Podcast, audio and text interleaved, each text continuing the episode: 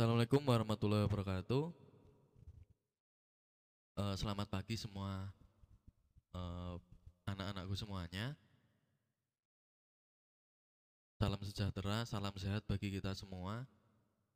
Ya hari ini eh, mulai masuk di jadwal mata pelajaran IPS. Dan di sini eh, kita akan melanjutkan materi yang berikutnya.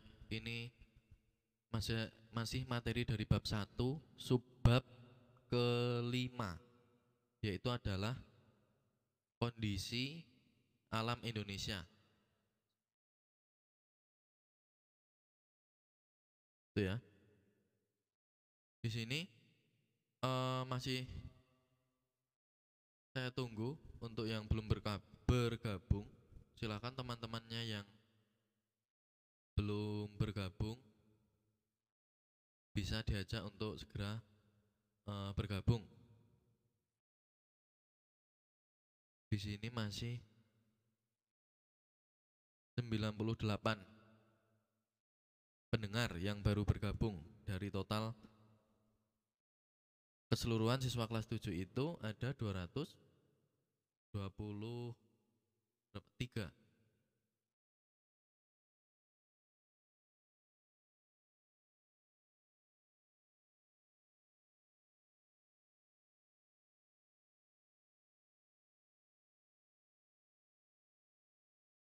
Oh ya, untuk eh, materi itu bisa kalian lihat. Jadi materi yang Pak Haji sampaikan ini nanti eh, sama dengan materi yang Pak Haji upload di Classroom. Tuh, jadi nanti materinya eh, itu sama. Tuh nanti eh, setelah eh, mendengarkan penjelasan dari Pak Haji, nanti kalian jangan lupa untuk eh, mengisi absensi sesuai dengan eh, form yang sudah Pak Haji upload juga di classroom kelas kalian masing-masing.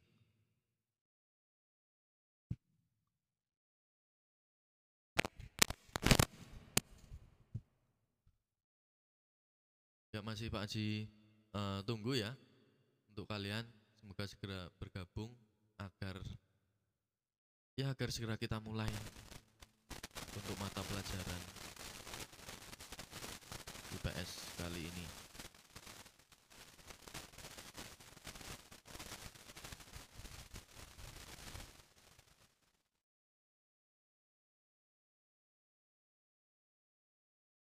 Ya yang baru bergabung untuk materinya itu bisa sambil kalian lihat di eh, classroom jadi materi yang Pak Haji upload di Classroom itu sama dengan materi yang akan Pak Haji sampaikan pada pagi hari ini. Itu.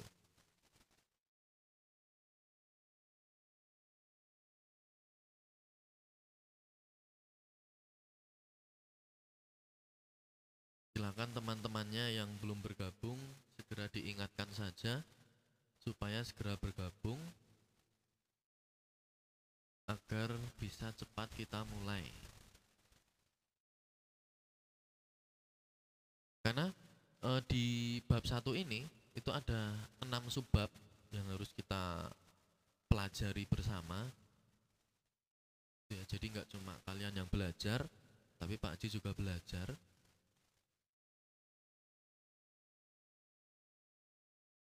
Lalu nanti setelah bab pertama atau enam subbab ini kita lalui, kita akan beranjak ke bab dua. Nah, nanti di bab yang kedua ini subbab materinya itu tidak terlalu banyak. Ada sekitar tiga subbab materi yang akan kita pelajari di bab yang kedua.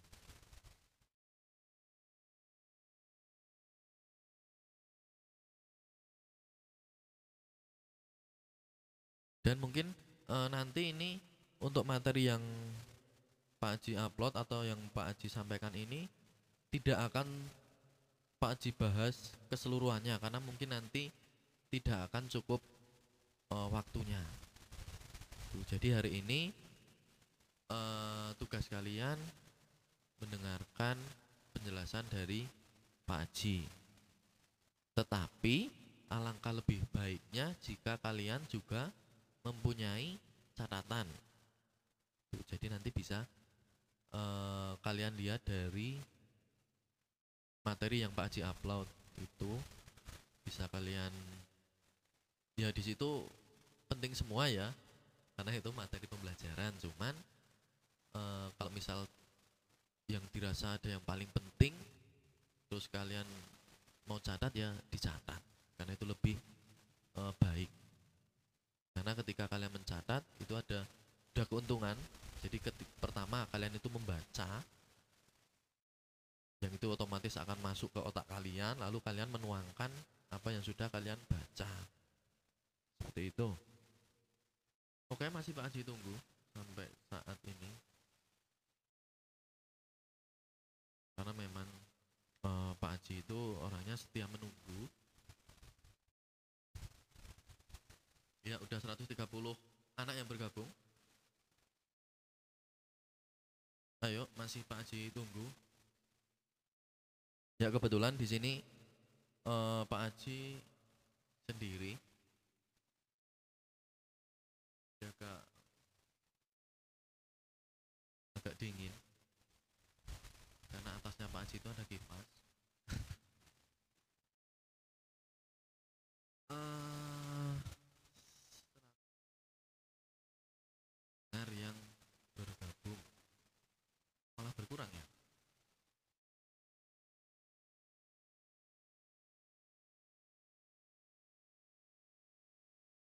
Ayo teman-temannya yang lain dijawil agar segera bergabung ya.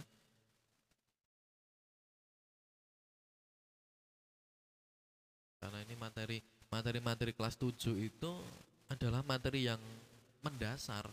Jadi sebelum kalian beranjak atau naik level ke kelas 8, kelas 9. Nah, materi di kelas 7 ini ibarat rumah itu adalah pondasi. Lanjutan pondasi dari ketika kalian SD. Jadi ibaratnya kalian sekolah ini seperti membangun rumah. Gitu ya. Jadi materinya itu nanti akan terus naik, naik, naik. Akan terus meningkat. Dari yang tingkat pemahaman rendah sampai nanti ke tingkat pemahaman yang tinggi. Tuh, Jadi eh, pelajaran di kelas-kelas 7 ini pelajaran yang mendasar cukup penting. Jadi jangan dianggap remeh. Semua mata pelajaran tidak hanya IPS semua mata pelajaran itu sangat penting terutama kelas 7 ini ya. Pokoknya kalau kalian menguasai dasar kalau kalian dasarnya itu sudah paham sudah tahu nanti untuk naik ke materi yang selanjutnya di kelas 8 kelas 9 itu akan mudah karena dari dasarnya kalian sudah menguasai, sudah paham. Fondasinya sudah kuat. Ya mungkin akan eh, Pak Haji mulai saja daripada menunggu yang lain. Nanti terlalu lama malah habis waktunya. Ya, jadi kita akan bahas tentang kondisi alam Indonesia. Nah, mungkin ada yang punya gambaran ya kondisi alam Indonesia itu seperti apa, terutama untuk kita yang tinggal di daerah pedesaan.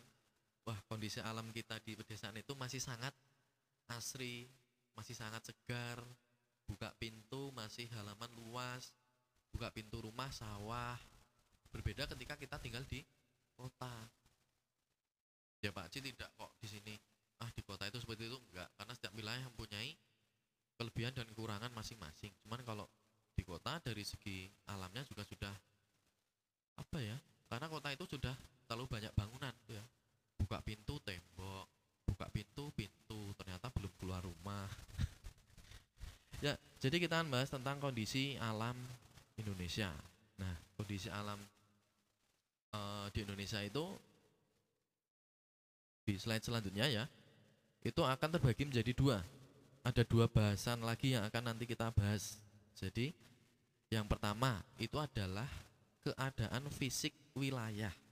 Nah, keadaan fisik wilayah itu berkaitan dengan kondisi geografis maupun geologis dari wilayah kita. Atau di sini wilayah Indonesia. Seperti apa sih kondisi wilayah atau kondisi geografis negara Indonesia? Ibaratnya seperti bentuk muka buminya. Dari yang gunung, bukit, pegunungan, lautan. Tuh, jadi itu fisik, fisik wilayah. Tuh, dan di fisik wilayah itu nanti, nah itu ya terjadi menjadi dua. Yang pertama itu keadaan iklim dan bentuk muka bumi. Tuh, nah keadaan keadaan iklim itu juga sangat mempengaruhi keadaan fisik wilayah atau keadaan alam Indonesia. Lalu yang kedua itu bentuk muka bumi. Paham lah ya bentuk muka bumi. Ibaratnya ibaratkan itu wajah kalian muka kalian gitu ya. Hidung itu gunung mata itu danau terus mulut mulut apa ya? Ya pokoknya kalian bayangkan sendirilah seperti itu ibaratnya ya bentuk muka bumi. Kenapa kok dinamakan muka bumi? Apakah bumi, bumi itu punya muka? Ya punya. Mukanya seperti itu. Ada gunung ada lembah, pegunungan, lautan. Lalu yang kedua dari keadaan alam Indonesia itu adalah keadaan flora dan fauna. Nah, ini ini yang kadang apa ya? Kalian tuh masih susah mengartikan atau membedakan antara flora dan fauna. Tuh. Dari pengalaman tahun-tahun yang sebelumnya ya, ketika ada pertanyaan sebutkan beberapa contoh flora yang ada di Indonesia. Ada yang menyebutkan macan, terus jadi malah menyebutkan hewan-hewan jadi yang harus kalian tahu perbedaan flora dan fauna. Flora dari namanya aja udah ya. Flora itu adalah tumbuhan. Tumbuhan apa saja yang uh, tumbuhan itu masuk ke flora. Kalau fauna itu hewan, diingat-ingat. Flora itu fauna itu hewan. Nah, nanti di uh, materi yang keadaan flora dan fauna itu juga terbagi lagi menjadi dua, yaitu keragaman flora dan sebaran. Kenapa kok ada keragaman dan sebaran? Karena uh, setiap wilayah itu mempunyai keragaman flora dan fauna yang berbeda. Dari Indonesia Barat Indonesia Tengah, Indonesia Timur itu nanti faunanya berbeda-beda. Berbeda tipe gitu ya. Kalau yang flora dia itu terbagi menjadi dua wilayah, Indonesia Barat, Indonesia Timur. Itu ya, itu pengantar dari Pak Aji untuk materi yang hari ini akan kita sampaikan. Jadi mungkin tidak akan kita selesaikan hari ini karena nanti materinya ini banyak ya. Jadi karena nanti mungkin Pak Haji akan kehausan kalau menjelaskan harus sampai selesai hari ini dan waktunya tidak akan cukup.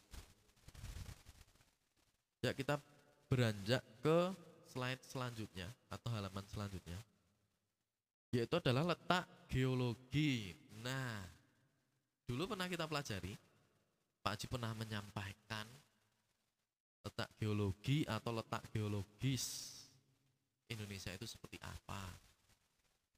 Kalau dulu letak geologis, letak geologi yang kita bahas itu adalah ada yang masih ingat?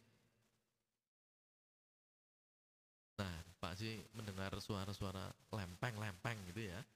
Nah, jadi letak geologis yang dulu kita bahas itu adalah kita mempelajari tentang lempeng lempeng di sini bukan kerupuk ya.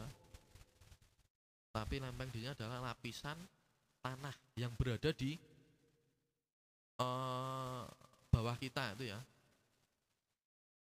Tuh, jadi letak geologis Indonesia itu terbagi menjadi tiga lempeng atau pertemuan tiga lempeng. Coba diingat-ingat. Yang pertama, lempeng yang berada di utara yang mengarah ke selatan. Itu adalah lempeng Eurasia. Lempeng yang di selatan yang dia bergerak mengarah ke utara, eh ke eh tadi lah adalah lempeng di utara yang bergerak ke selatan ya, yang Eurasia. Nah, yang selanjutnya itu lempeng yang berada di sebelah selatan yang bergerak ke arah utara. Itu adalah lempeng Indo Australia. Lalu yang ketiga itu adalah lempeng yang bergerak atau yang berada di wilayah timur yang bergerak menuju ke arah barat yaitu adalah lempeng Pasifik. Tuh, jadi tiga lempeng itu. Nah, di sini letak geologi. Tuh ya, jadi berdasarkan batuan batuan-batuan pembentuknya. Maksudnya di sini itu adalah batuan-batuan pembentuk lapisan bumi yang berada di atasnya. Jadi di bawah pulau, di bawah daratan ini, di dalam sana itu ada banyak lapisan tanah. Jadi enggak kita sampai bawah sana itu enggak cuma tanah, tapi ada tanah tanah, ada pasir, nanti ada batuan, tanah lagi. Nah, itu sampai uh, dalam, sampai nanti ke inti bumi. Nah, di sini yang akan kita bahas itu adalah letak geologis berdasarkan zona dangkalan. Yang pertama, zona dangkalan Sunda yaitu meliputi wilayah Sumatera, Jawa, dan Kalimantan. Jadi ada beberapa ahli yang menyebutkan bahwa ini disebutkan zona dangkalan Sunda karena uh, ada pendapat dari ahli itu kalau dulu Sumatera, Kalimantan, dan Jawa itu adalah satu daratan. Itu ya. Tuh, jadi zona dangkalan Sunda, zona dangkalan Sunda itu juga uh, sudah cukup dalam karena itu nanti berbatasan langsung dengan samudra, samudra India. Tuh. Lalu yang kedua itu ada zona Indonesia Tengah yang meliputi wilayah Sulawesi dan pulau-pulau di Maluku seperti Pulau Halmahera itu ya itu yang meliputi zona Indonesia Tengah. Yang ketiga itu ada zona dangkalan Sahul. Itu yang meliputi Pulau Papua dan pulau-pulau kecil di sekitarnya seperti eh, NTB, Nusa Tenggara Barat, Nusa Tenggara Timur, itu masuk di dangkalan Sahul. Nah, uh, di sini semakin ke timur itu dangkalnya itu semakin dalam. Dangkalannya semakin dalam ya. Jadi di zona dangkalan Sahul yang meliputi Pulau Papua itu di di wilayah perairan Indonesia itu dianggap yang paling dalam. Tuh. oke kita lanjut ke slide selanjutnya nah ini kondisi geologi yang sudah Pak Haji jelaskan. Kemarin ya itu ada lempeng Australia lempeng uh, Eurasia lempeng Pasifik. Itu adalah tiga lempeng tektonik besar. Ya diperhatikan itu yang yang Pak Haji beri tanda merah itu adalah uh, zona pertemuan lempeng. Jadi Indo Australia itu ketemuan dengan lempeng Eurasia itu dilepas pantai Sumatera, Jawa dan Nusa Tenggara. Jadi di sebelah barat Pulau Sumatera dan di selatan Pulau Jawa sampai ke Nusa Tenggara. Jadi ketika lempeng Indo Australia itu bertumbukan dengan lempeng Eurasia di wilayah yang sudah Pak disebutkan itu, itu nanti akan menyebabkan adanya gempa bumi atau lindu bedakan lindu dengan rindu ya. Tuh lalu ada lempeng Pasifik dan Eurasia itu yang bertumbukan di utara Papua dan Maluku Utara. Jadi tumbukan lempeng-lempeng inilah yang eh, kemudian membentuk rangkaian pegunungan. Tuh, yang berada di sepanjang pulau Sumatera, Jawa, Nusa Tenggara, nanti melingkar ke atas ke Sulawesi, lalu ke Maluku, Ambon. Itu makanya eh, Indonesia itu juga menjadi salah satu wilayah ring of fire atau cincin api karena em, mempunyai banyak gunung berapi yang aktif. Contohnya yang berada di wilayah kita saja, yaitu gunung gunung berapi ya, bukan gunung Ngampon atau Berjo itu enggak aktif. Itu cuma tanah liat. Itu nah. eh, jadi yang punya sedikit gunung berapi itu adalah pulau Kalimantan. Kenapa sih Pulau Kalimantan itu tidak mempunyai banyak gunung berapi? Nah, itu bisa kalian lihat dari pertemuan-pertemuan lempeng itu.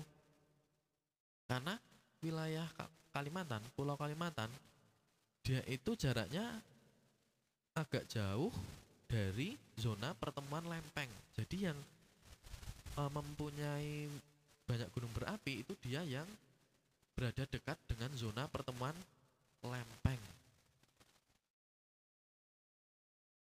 Tuh, makanya Pulau Kalimantan itu eh mem- ya bahkan tidak memiliki gunung berapi aktif mungkin itu jauh dari pertemuan lempeng. Pak, minum dulu ya.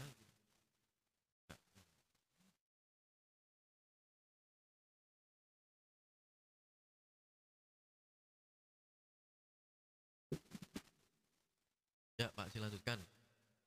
Jadi eh, Indonesia itu juga dilalui oleh eh, dua jalur pegunungan.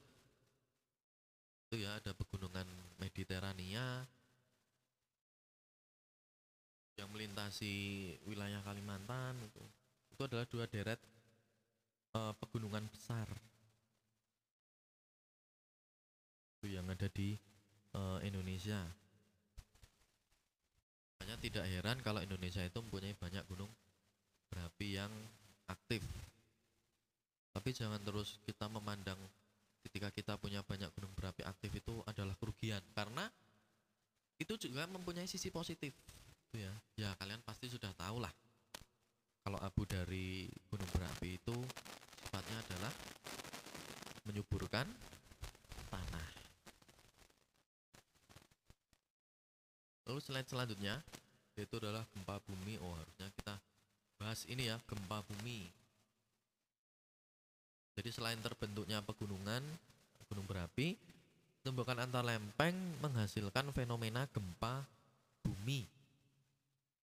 Itu jadi gempa bumi itu terjadi karena lempeng yang saling bertumbukan atau mereka bertemu atau mereka bertabrakan atau senggolan bertemunya itu sebenarnya pelan. Cuman getarannya itu sampai ke permukaan bumi. Nah, getaran tersebut, getaran yang sampai ke permukaan bumi tersebutlah yang dinamakan dengan gempa bumi. Tuh. Itu ya di situ eh Pak Aji lampirkan juga peta zonasi gempa di Indonesia itu dari zu- yang gempa yang sudah pernah berlangsung dan wilayah zona-zona yang berpotensi atau rawan terjadinya gempa tuh bisa dilihat di wilayah Sumatera yang tandanya merah itu kalau yang tandanya merah-merah itu adalah rawan terjadi gempa bumi. Dan selain selain karena pertumbukan lempeng, eh, uh-uh, selain karena per- pertumbukan lempeng, gempa itu juga eh, dihasilkan dari pergerakan eh, sesar aktif, bukan sesar yang joget-joget ya. Ini adalah sesar yang sifatnya ya seperti lempeng lah cuma dia berada di atasnya. Jadi sesar aktif seperti ketika eh, gempa Jogja itu adalah 2006. 2006 mungkin mungkin kalian mungkin kalian itu ya belum lahir atau mungkin baru beberapa tahun mungkin ada yang baru satu tahun ya. Nah gempa 2006 itu kebetulan Pak Haji masih SD iya masih SD Pak Haji ingat karena Pak Haji juga pernah SD ya jangan dikira enggak nah jadi eh, gempa Jogja itu ada yang memberikan gambaran bahwa itu adalah sesar sesar opak.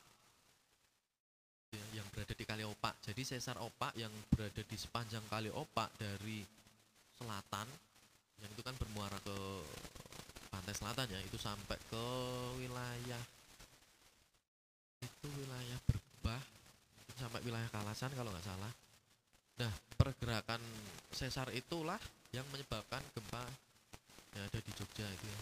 Jadi yang eh, berada di wilayah sesar opak atau yang berada di tepian kali-kali opak itu itu akan mengalami kerusakan yang sangat besar. Bahkan setelah terjadi kerusakan terjadi gempa bumi itu ya itu kan gunung merapi langsung bereaksi. Karena memang itu saling berkaitan. Jadi biasanya kalau gunung berapi aktif itu biasanya karena ada pergerakan lempeng atau enggak karena gempa bumi. Ya seperti itulah jadi sebelum gempa Jogja juga ada gempa yang sangat besar.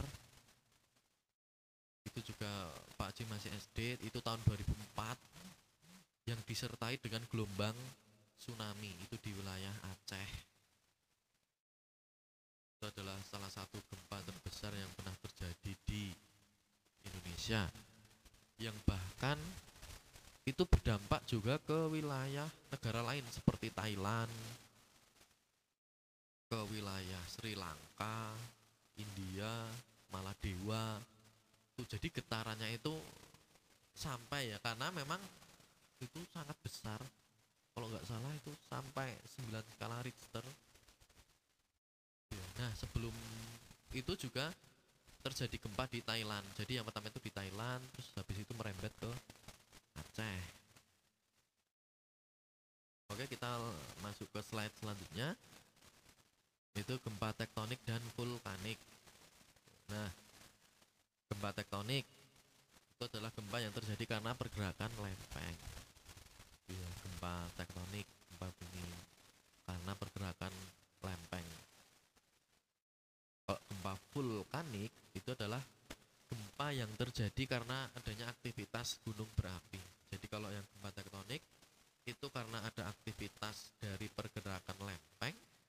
Kalau gempa vulkanik itu adalah gempa yang terjadi karena adanya aktivitas gunung berapi. Jadi kalau ada aktivitas gunung berapi itu biasanya yang merasakan gempa itu yang hanya ada berada di wilayah sekitar gunung berapi mungkin radius radius berapa? Mungkin sampai 3 km mungkin ada terasa ya cuman ya tidak terlalu besar dibandingkan dengan gempa yang tek- tektonik. Lalu ada tsunami. Apa itu tsunami? Jadi tsunami sendiri itu sebenarnya berasal dari bahasa Jepang itu ya tsunami. Tuh, jadi tsunami adalah goncangan akibat gempa bumi yang membuat gerakan tanah di dasar laut sehingga menimbulkan gelombang. Ketika sampai di pantai, gelombang tersebut semakin besar dan menimbulkan bencana tsunami. Nah, jadi ketika gempa tersebut berada di dasar laut, berpusat di dasar laut, menimbulkan getaran yang sangat besar, mungkin sampai membuat runtuhan tanah di wilayah laut atau wilayah pantai itu nanti akan menyebabkan terjadinya peristiwa tsunami. Ya, jadi tsunami itu akan semakin besar ketika mendekati daratan. Karena itu ada tekanan dari air yang berusaha kembali ke arah pantai. Jadi mereka bertaba, bertabrakan.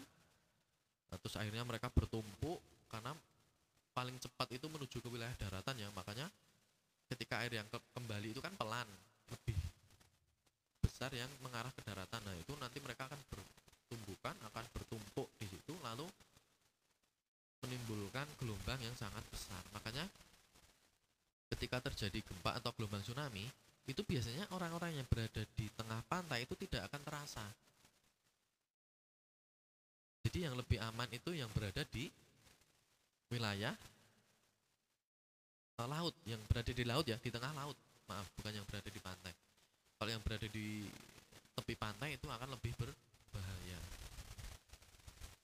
Tuh. Jadi yang berada di tengah laut itu biasanya akan lebih aman atau tidak terlalu merasakan gelombangnya. Cuman kalau untuk wilayah Jepang ya, dulu ada Pak Ji lihat videonya juga yang Jepang eh, gempa Jepang yang terus disusul tsunami itu gelombang tsunaminya sangat besar bahkan sampai kapal kapal-kapal pesiar tapi yang tidak besar ya ukuran medium lah sedang gitu. Itu sampai terbawa ke daratan. Tuh. Itu karena memang gelombangnya sangat besar. Jadi karena memang gelombang tsunami ini tidak langsung terjadi ya jadi ada selang waktunya misal dia selang 30 menit lah. Jadi nggak langsung gempa goyah gayik goyah gayik langsung tiba-tiba tsunami itu enggak jadi ada selang waktunya. Jadi ada proses yang terjadi di dasar laut. Nanti nah, pelan-pelan mereka akan gelombangnya itu akan naik. Yang tadinya itu horizontal karena ada getaran mereka jadi vertikal. Jadi naik getarannya. Nah, itu nanti akan menuju ke wilayah pantai slide selanjutnya itu adalah gunung berapi. Ini kita masuk ke bentuk muka bumi ya. Gunung berapi itu adalah lubang kepundan atau rekahan yang berada di dalam kerak bumi atau tempat keluarnya cairan magma atau gas ke permukaan bumi. Tuh, jadi uh, gunung berapi itu juga itu seperti alat yang diciptakan oleh bumi sendiri untuk mengeluarkan energi yang terlalu berlebihan. Jadi ketika di dalam bumi, inti bumi itu energinya itu kan besar. Nah, ketika sudah mengalami kelebihan energi, dia itu akan membuangnya lewat gunung berapi. Tuh. Sebenarnya seperti itu. Nah, jadi di sini ada ciri gunung berapi. Gunung berapi ya, itu adalah mempunyai kawah atau rekahan. Tuh, kalau ciri gunung berapi aktif itu adalah adanya aktivitas ke gunung apian. Aktivitas aktivitasnya seperti semburan gas atau asap atau ada material dari dalam gunung berapi. Di Indonesia sendiri uh, pernah ada dua letusan yang cukup besar itu adalah Gunung Krakatau dan Gunung Tambora. Nah, Gunung Krakatau itu meletus ketika Indonesia itu dijajah oleh Belanda. Bahkan letusannya itu menghancurkan gunung itu sendiri jadi dia itu seperti ibaratnya ya mohon maaf ini seperti bunuh diri tapi karena Gunung Krakatau itu mempunyai dapur magma yang sangat besar dibandingkan gunung-gunung api aktif yang ada di Indonesia sekarang. Tuh, jadi walaupun dia itu tidak terlalu besar, tapi karena dia itu mempunyai dapur magma yang cukup besar, cukup dalam, maka tekanannya itu juga akan semakin besar walaupun kecil nanti letusannya akan makdut itu bisa wah mabul mabul itu ya. Nah, bahkan ketika eh, Gunung Krakatau itu meletus, gunungnya hancur, itu dianggap selesai. Tapi pada tahun 19 1941 kalau tidak salah itu ada eh, empat ya 41 kalau nggak salah itu ada aktivitas di dasar laut. Jadi kok nelayan yang berada di sekitar itu melihat kok wilayah yang bekas dulu Gunung Krakatau itu kok mengeluarkan asap. Ternyata setelah diteliti itu di dalam itu ada aktivitas vulkanik. Akhirnya lambat laun, lambat laun muncullah gunung baru di bekas letusan itu, yaitu adalah dinamakan Gunung Anak Krakatau. Nah mungkin nanti kalau itu meletus hancur, nah mungkin ada Gunung Cucu Krakatau terus seperti itu kemungkinan tapi ya semoga jangan lah karena letusan Gunung Krakatau sendiri itu mempengaruhi keadaan iklim global. Jadi iklim di dunia ini di bumi itu sempat tidak normal karena letusan Gunung Krakatau. Tuh, bahkan suara letusan Gunung Krakatau itu terdengar sampai ke wilayah Australia, Selandia Baru. Itu ya, itu mempengaruhi iklim global. Bahkan yang harusnya di Eropa itu sudah musim panas, di sana itu masih salju. Karena sinar matahari itu tidak bisa menembus ke bumi karena lapisan atmosfernya itu penuh dengan asap yang dihasilkan dari letusan Gunung Krakatau.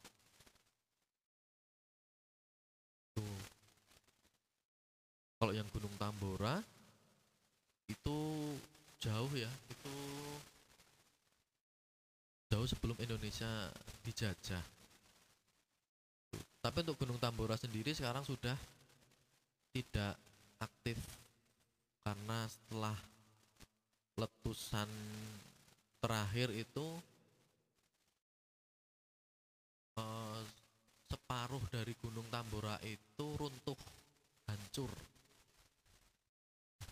seperti itu jadi ya seperti itulah fenomena alam. Makanya kita itu sebagai makhluk hidup kita itu hidup berdampingan dengan alam. Kita harus melestarikan alam sekitar kita. Dengan hal-hal yang ya simpel aja seperti kalian menyiram tanaman. Itu sudah salah satu bentuk kepedulian kalian terhadap lingkungan alam sekitar kita itu salah satu contoh maka ketika kita itu baik sama alam alam itu juga akan baik dengan kita. Jadi ada keterkaitan ada kesinambungan ada ibaratnya ada ya sebab akibat lah. Ketika kita baik ya mereka akan baik. Tapi ketika kita berbuat buruk ya mereka akan membalas dengan keburukan. Makanya kita harus selalu berbuat kebaikan berbuat yang positif entah itu ke sesama manusia dan ke sesama makhluk hidup yang lain seperti hewan maupun tumbuhan ataupun ke alam. Tuh. Ya selanjutnya. Eh, nah ini. Ini ya yang di sebelah kiri yang ada asap asap keluar itu adalah gunung anak Krakatau. Nah itu seperti itu. Kecil toh karena namanya anak. Jadi dia masih anak-anak ini adalah kondisi sebelum letusan terakhir itu tahun berapa ya? 2000 pas tahun baru kalau nggak salah itu. Tahun baru 2019 kalau nggak salah ya itu ada letusan yang itu menghancurkan separuh badan dari Krakatau. Hancur. Nah yang di sebelah kanan itu adalah kawah dari Gunung Tambora. Jadi dulu Gunung Tambora itu tingginya sekitar 4000 berapa di ratusan. 4500 meter di atas permukaan laut. Letusan terakhir Makdut tengahnya hilang. Karena ikut hancur. Tekanannya besar jadi tinggal 2000 sekian. Dan setelah itu juga gunungnya itu eh, tidak aktif atau mati lah ibaratnya itu kawahnya itu diameternya sekitar mungkin 2 km gitu ada diameter itu dari Gunung Tambora itu ya. Nah ini ada peta persebaran gunung berapi di Indonesia. Tuh ya. Ini sebenarnya peta gunung berapi yang aktif, cuman dari sumber yang Pak Haji dapat ini ternyata ada beberapa yang dia itu sebenarnya sudah tidak aktif, tapi di sini dikategorikan aktif. Ya memang kadang berbeda sumber juga berbeda isinya.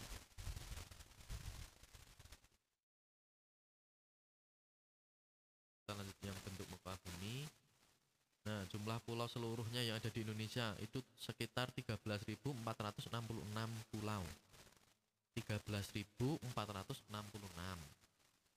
Nah, di sini ada juga sumber lain yang yang menyebutkan Indonesia itu mempunyai pulau sebanyak 17.000 sekian. Tapi mungkin untuk sumber yang sekarang ini adalah sumber yang atau sumber yang Pak Haji dapat ini mungkin sumber yang sudah diperbarui karena 13.000 pulau sendiri itu tidak semuanya berpenghuni. Ya, tidak semua berpenghuni. Ada yang dia itu cuman berupa daratan dan tumbuhan-tumbuhan gitu. Lalu luas wilayah Indonesia itu mencapai ya, 5 juta kilometer persegi terdiri atas daratan dan lautan. Jadi untuk wilayah daratan lautannya itu dua per tiga lah, jadi lebih luas lautan, lautan Indonesia. Nah, itu bentuk muka bumi yang sudah Pak Haji jelaskan tadi.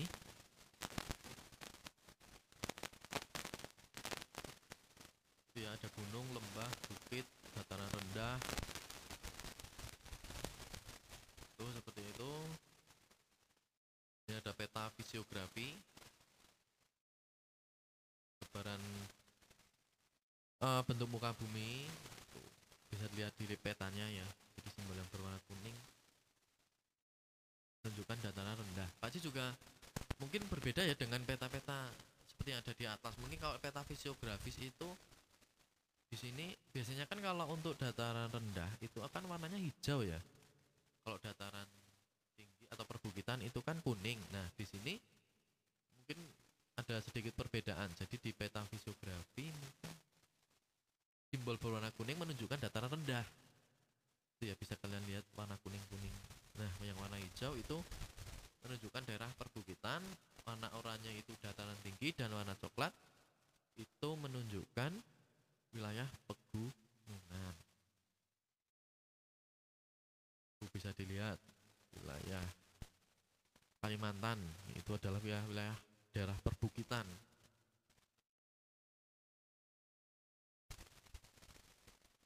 Kondisi iklim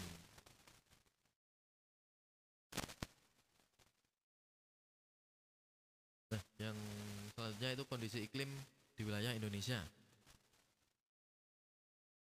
Itu yang pertama Indonesia itu berada di wilayah eh, tropis.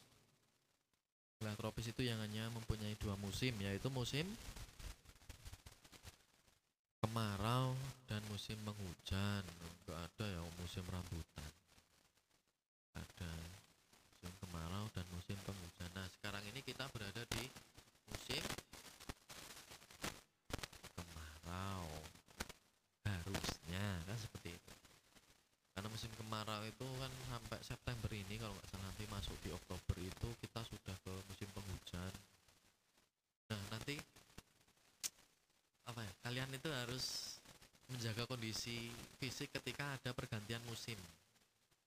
Karena nanti di pergantian musim itu eh, apa hawanya itu nggak enak. Kalau nggak tahan tubuh kalian tuh daya tahan tubuhnya itu kurang nanti akan menyebabkan sakit gitu ya. Tuh, jadi iklim tropis itu suhu udara yang tinggi sepanjang tahun sekitar 27 derajat. Itu rata-rata ya. Rata-rata 27 derajat Celcius. Jadi kita beruntung berada di wilayah tropis karena untuk di wilayah tropis itu perbedaan suhunya antara musim hujan dan musim kemarau itu tidak terlalu eh, jauh suhunya itu tidak terlalu jauh itulah salah satu apa hal positif yang kita dapat ketika kita tinggal di wilayah tropis tuh jadi wilayah tropis itu yang berada di wilayah 23,5 derajat lintang utara maupun 23,5 derajat lintang selatan ya bisa kalian lihat di petanya itu seluruh wilayah Indonesia ya Asia Tenggara terutama itu masuk di wilayah tropis ini lalu sebagian Australia sebagian utara ini ada India ini ada wilayah Timur Tengah ada Afrika Afrika juga sebagian besar itu wilayah tropis Amerika Selatan dan yang wilayah utara itu tropis lalu Amerika Utara Amerika Tengah Amerika Utara ini juga yang selatan ya Amerika Utara tapi bagian selatan itu masuk ke wilayah tropis nah keunggulan wilayah tropis itu wilayah tropis itu terkenal dengan kesuburan tanahnya. Makanya Indonesia itu juga salah satu negara dengan tingkat kesuburan yang tinggi karena juga didukung dengan curah hujan yang cukup. Kalau wilayah Afrika mereka itu di sana itu curah hujannya itu rendah tidak terlalu berbeda dengan Indonesia. Jadi tidak terlalu subur lah karena juga wilayah Afrika itu kan didominasi oleh gurun atau padang pasir. Lalu ada tiga jenis iklim. Tiga jenis iklim di Indonesia ada iklim musim iklim tropis iklim laut. Nah iklim musim itu yang berubah atau dipengaruhi oleh angin musim yang berubah-ubah setiap periode waktu tertentu. Biasanya satu periode itu enam bulan. Jadi musim hujan marau itu periodenya. Setiap satu periode itu enam bulan. Jadi musim hujan enam bulan musim kemarau enam bulan. Jadi pas satu tahun. Nah, yang selanjutnya itu iklim tropis tropis itu ya karena Indonesia berada di wilayah tropis. Suhunya tinggi terus suhunya tinggi didominasi wilayah lautan. Nah itu menyebabkan penguapan yang cukup tinggi di Indonesia. Makanya kalau misal kadang kita musim kemarau tapi kok tiba-tiba hujan ya itu karena mungkin tingkat penguapannya itu sangat besar Tingkat penguapannya itu besar oh yang ketiga itu iklim laut karena Indonesia itu memiliki wilayah laut yang luas ya cukup luas atau sangat luas secara Indonesia kan? Wilayah barat selatan Samudra Hindia. Wilayah timur ke utara Samudra Pasifik. Ya kita dihapit dua samudra besar. Gak heran kalau memang ya iklimnya seperti ini. Cuman ya ini uh, menyebabkan Indonesia juga sangat subur itu kan seperti ini nah, ini curah hujan di Indonesia. Walaupun di sini rata-rata ya jadi rata-rata itu 2500 mili per tahun. Ya, milimeter per tahun. Itu itu rata-rata. Cuman untuk tiap wilayah itu biasanya berbeda-beda. Seperti kota Bogor. Kenapa sih kota Bogor kok eh, mempunyai julukan kota hujan? Yaitu karena curah hujan di Bogor itu besar curah hujannya itu besar karena tiap wilayah itu berbeda-beda. Ada juga wilayah yang ketika musim hujan dia itu curah hujannya rendah. Ada. Makanya tiap wilayah itu berbeda-beda.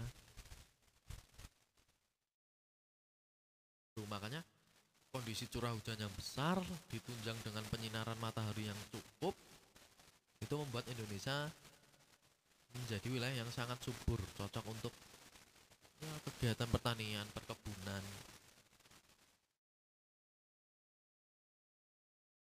Kalau ada angin muson.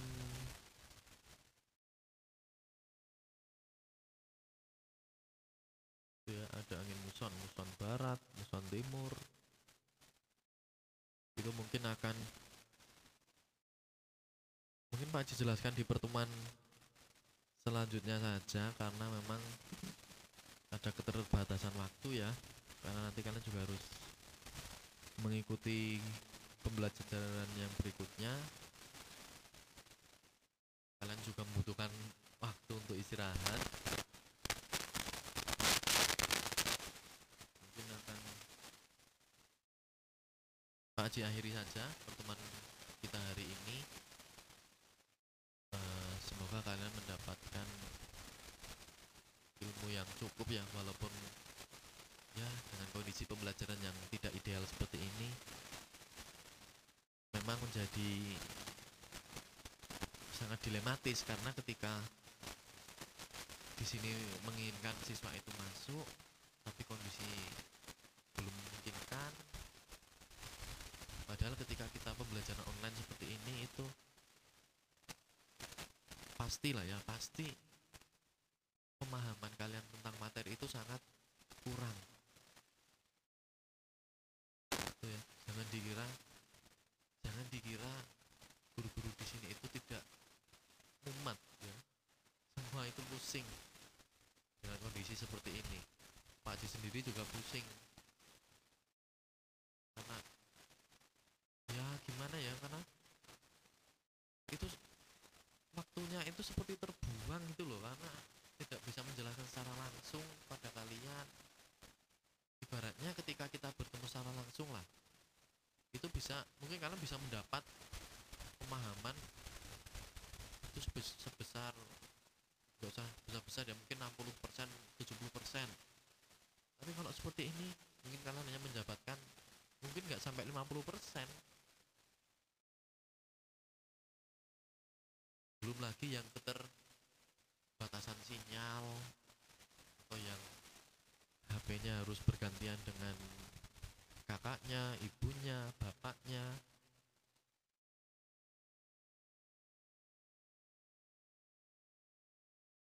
Ya semoga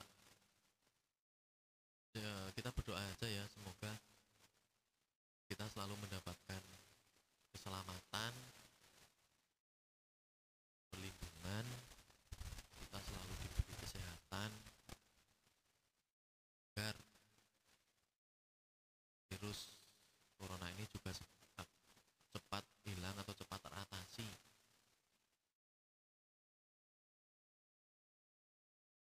yang penting kita harus selalu hidup sehat dan Pak Haji di sini